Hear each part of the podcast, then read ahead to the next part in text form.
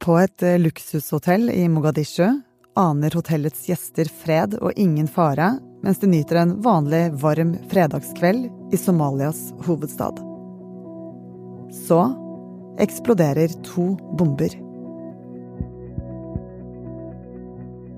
Deretter går terrorister inn på hotellet og begynner å skyte på gjestene. To av de som ble drept, er norske statsborgere. Dette er nok et angrep på et kontinent hvor terror skjer oftere og oftere. Hva er grunnen til denne utviklingen i Afrika? Du hører på Forklart fra Aftenposten, og jeg heter Synne Søhol. I dag er det tirsdag 30. august.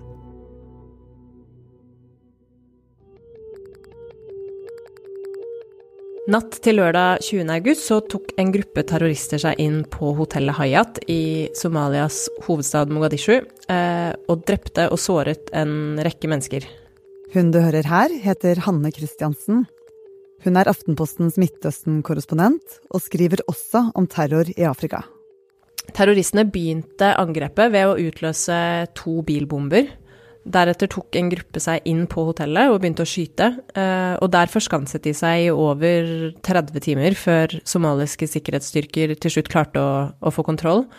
Men da hadde 21 mennesker blitt drept, og eh, foreløpig er det meldt om godt over 100 mennesker som er blitt skadet. Flere av disse hadde også fått livstruende skader. Og Hanne, hvem var det som ble rammet eh, i dette angrepet? Blant de drepte eh, så var jo da mange av hotellets gjester, eh, og dette er et hotell som eh, er spesielt populært blant folk som jobber for den somaliske regjeringen. I tillegg til såkalte expats, altså utlendinger som jobber i Somalia. Og så viste det seg jo også litt senere at det også var norske statsborgere blant de drepte. Ja, og hva vet vi om dem da? Vi vet at de hadde bostedsadresse i Oslo, og at de trolig var på privat tur sammen med familiene sine. Uh, ifølge VG så var de medlemmer av Tawfiq, som er den største moskeen i Oslo. Og de som sto bak angrepet på hotellet, var terrorgruppen Al-Shabaab. Al-Shabaab uh, er en gruppe som vokste fram i Somalia en gang på begynnelsen av 2000-tallet. Og i 2006, ca. samtidig med at Etiopia invaderer Somalia, etablerer Al Shabaab seg som en egen gruppe. Det bidro i veldig stor grad til at denne gruppen vokste, eh, både i antall medlemmer, men også vokste seg mer radikal, da. Al Shabaab, som betyr ungdommen på arabisk, har gjennomført flere kjente terrorangrep i Kenya, Nairobi og Somalia. Og i 2012 sverger de troskap til Al Qaida. Al Shabaab regnes som eh, en av de aller største terrorgruppene i Afrika i dag, eh, og har også i flere år vært regnet som den dødeligste, altså den gruppen som utfører flest angrep og tar flest liv. Um, USA anslår vel at, mellom, at Al Shabaab har mellom 5000 og 10 000 krigere, selv om det er litt vanskelig å anslå akkurat hvor mange. Uh, og disse holder da hov i hovedsak til i Somalia, men de er også avleggere i naboland, flere naboland som f.eks. Kenya og Tanzania, hvor de da også har utført angrep tidligere. Og hva er det de ønsker, hva er målet deres? Det de på en måte alle er enige om, uh, det er at de vil drive ut uh, den vestlig støttede regjeringen og etablere en islamsk stat i Somalia. Så sånn sett er, har målet i hovedsak vært, hele tiden vært nasjonalt, da. Eh, men så er det mer radikale ideologiske fraksjoner i gruppen, som uh, f.eks. har uh, i propagandamaterialet sitt gitt støtte til Al Qaidas ideer om global jihadisme. Men det har foreløpig ikke vært noen tegn til at Al Shabaab har både seriøse planer om å angripe vestlige mål. Så kan jo det selvfølgelig kanskje endre seg nå, for nå vokser både både Al Shabaab og andre jihadistiske grupper eh, flere steder på det afrikanske kontinentet. Hva slags metoder er det de bruker? Ja, altså, eh, Al Shabaab har jo dette uttalte målet om å uh, kvitte seg med den internasjonalt eller vestlig støttede regjeringen. Uh, og sånn sett så har de angrepet en del mål som skal ramme den politiske eliten. Men de har også uh, gjort seg bemerket eller beryktet for å angripe eh, turistmål, f.eks. kjøpesentre og, og, hoteller. Og det, eh, da rammer man jo også det internasjonale eh, miljøet da, i, i landet det gjelder. Dette såkalte expat-miljøet, internasjonale organisasjoner som jobber i landet osv. Og, så og det, det, bidrar til å på en måte skremme og drive ut den internasjonale tilstedeværelsen i landet.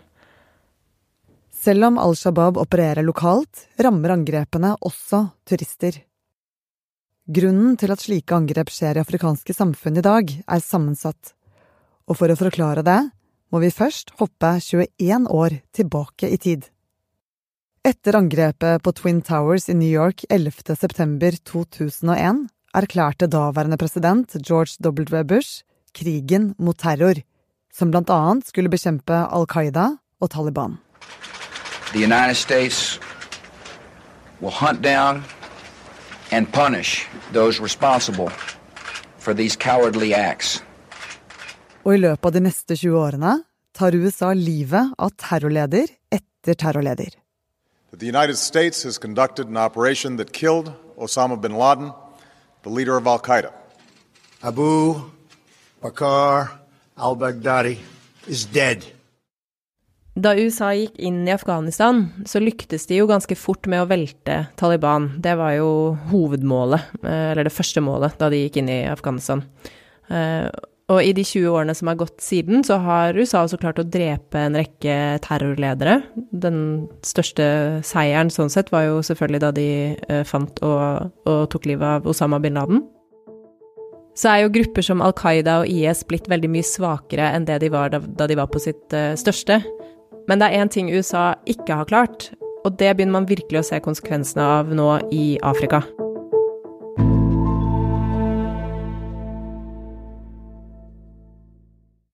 Etter at USA startet krigen mot terror og kvittet seg med ekstremistledere, ble terrororganisasjoner i Midtøsten mye svakere.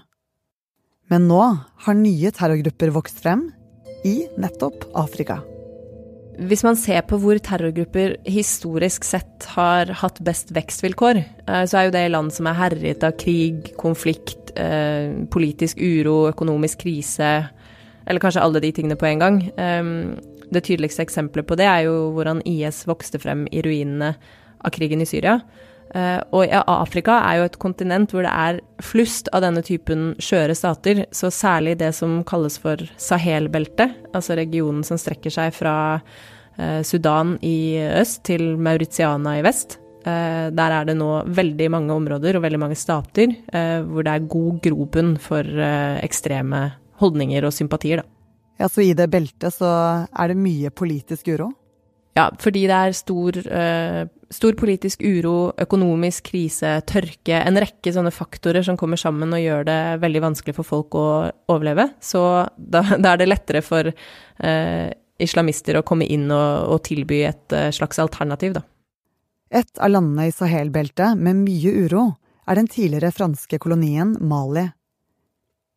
I 2013 fikk landet merke de ekstreme holdningene en islamistgruppe som kalte seg Ansardine, begynte å ta kontroll over flere byer nord i landet.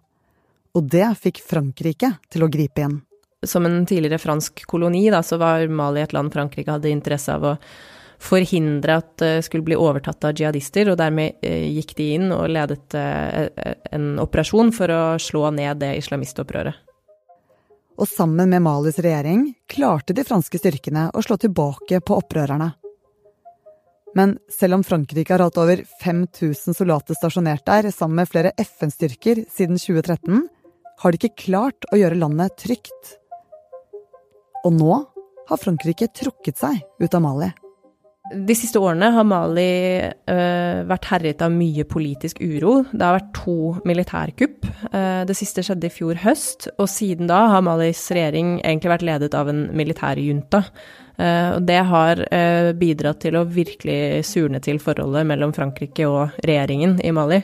Um, slik at presidenten, Frankrikes president Emmanuel Macron han begynte å true med at han ville trykke, trekke soldatene ut av landet hvis ikke juntaen sørget for å stanse disse islamistene i å vokse seg sterkere, da. Og da det ikke skjedde, så erklærte han altså i februar at nå ville Frankrike trekke de siste styrkene ut av Mali. Ja, hva skjedde da? Det har noen interessante paralleller til uh, Afghanistan. For uh, da USA sa de skulle trekke seg ut derfra, så økte jo uh, Taliban sine motangrep. Um, og det samme har skjedd i Mali. Volden har rett og slett skutt i været. det er over 2000 sivile som er blitt drept i jihadistiske angrep eller sammenstøt mellom disse gruppene og regjeringsstyrkene, bare hittil i år. Det er nesten dobbelt så mange som i hele 2021, så det er mange som nå mener at Mali er i ferd med å bli eh, enda verre enn det det var på den tiden da Frankrike opprinnelig gikk inn. Og nå har området blitt et sentrum for global jihadisme. Også her er det noen ganske interessante paralleller mellom krigen mot terror som USA førte i Midtøsten, og den Frankrike har ledet an i Afrika. Eh, fordi i begge tilfeller så lyktes man jo med dette første målet, å fjerne jihadistene fra enten å ta makten eller å fortsette å ha makten. Ehm, men det de ikke klarte, verken USA eller Frankrike, det var å bygge en stat etterpå. Eh, de klarte ikke å gi den derre sikkerheten til lokalbefolkningen som forhindrer at folk slutter seg til nye versjoner av disse samme islamistiske gruppene, som, som etter hvert har dukket opp. Da. Det har rett og slett utviklet seg til en, eh, en, slags evighetskrig, og det, gjør, eh, det har gjort at Frankrike, i, i tilfelle Mali, er blitt ekstremt upopulært blant lokalbefolkningen. Uh, og samtidig så har disse gruppene i veldig stor grad desentralisert seg. Uh, altså vil si at de har løsrevet seg fra ledelsen i Midtøsten. Sånn at når eh, USA har fokusert på, eh, på, toppen av organisasjonene, da, og ta ut liksom de viktigste sjefene, så har ikke det nødvendigvis hatt noe å si for de afrikanske gruppene. Ja, Så de gruppene har ikke blitt berørt av krigen mot terror? Det som har skjedd, er at eh, særlig Al Qaida de har lagt om operasjonen litt. Eh, det er noen som kaller det nesten en franchisemodell, altså eh, en, en, modell der hvor andre grupper, særlig Afrika, da har kunnet ta navnet og ideologien, velge litt sånn de, hvilke deler av ideologien de vil bruke, og så etablerer de sine egne operasjoner, som er ganske uavhengige av den sentrale ledelsen. Da. Så de har sine egne ressurser og kommandoer, og de lider dermed ikke det operative nederlaget når lederne for eh, den sentrale organisasjonen blir drept et helt annet sted. Ja, så utover at eh, Vesten har drept noen terrorledere, hva har de egentlig fått til i krigen mot terror? Det man kan si, er jo at eh, USA lyktes med å fjerne Taliban fra makten, men vi så jo alle hvordan det gikk i fjor høst, da Taliban kom tilbake igjen sterkere enn noensinne etter 20 år. Eh, så har man jo klart å nedkjempe IS i Irak og Syria, og eh, de er langt ifra på vei til å være, altså, bygge seg opp igjen til det nivået de var på.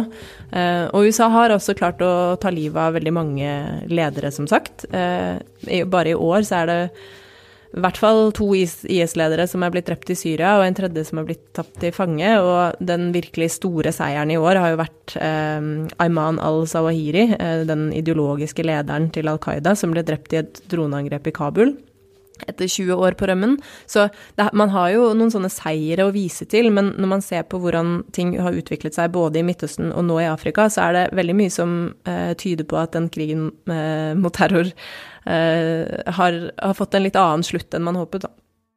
Så to av grunnene til at terroren øker i Afrika, kan forklares med fattigdom og politisk uro, og med at Al Qaida har løsrevet seg fra Midtøsten og fått selvstendige undergrupper som opererer helt på egen hånd.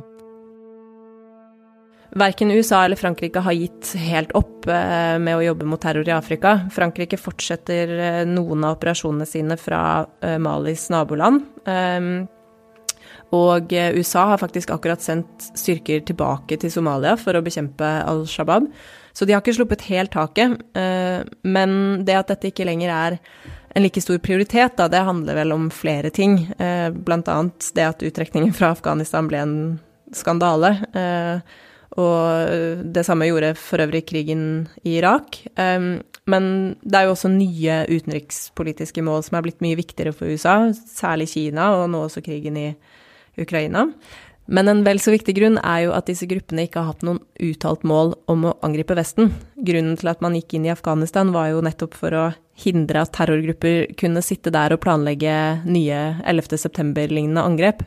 Um, så når, når, den trusselen ikke framstår like stor, så er nok appetitten for å bruke de ressursene det krever på å bekjempe terror i Afrika, også blitt veldig mye mindre. Og sånn kommer det bare til å fortsette å være, eller? Det kan man jo håpe, men når man ser hvilket tempo terrorgruppene i Afrika vokser i nå, eh, så er det jo ikke utenkelig at eh, ettersom de vokser seg sterkere og mektigere, at man også kan se en endring i, i strategien og i målene deres. Så det at Al Shabaab i dag ikke har uttalte planer om å angripe Vesten, det betyr ikke at det alltid kommer til å være sånn.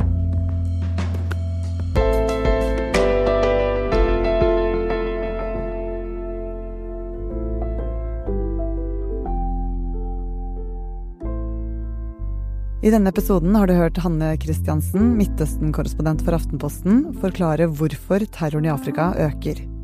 Denne episoden er laget av Jenny Førland og meg, Synne Søhol.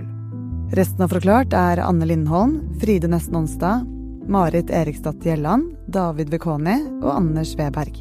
Lyden du hørte, er hentet fra det amerikanske utenriksdepartementet, nyhetsbyrået AP og Det hvite hus.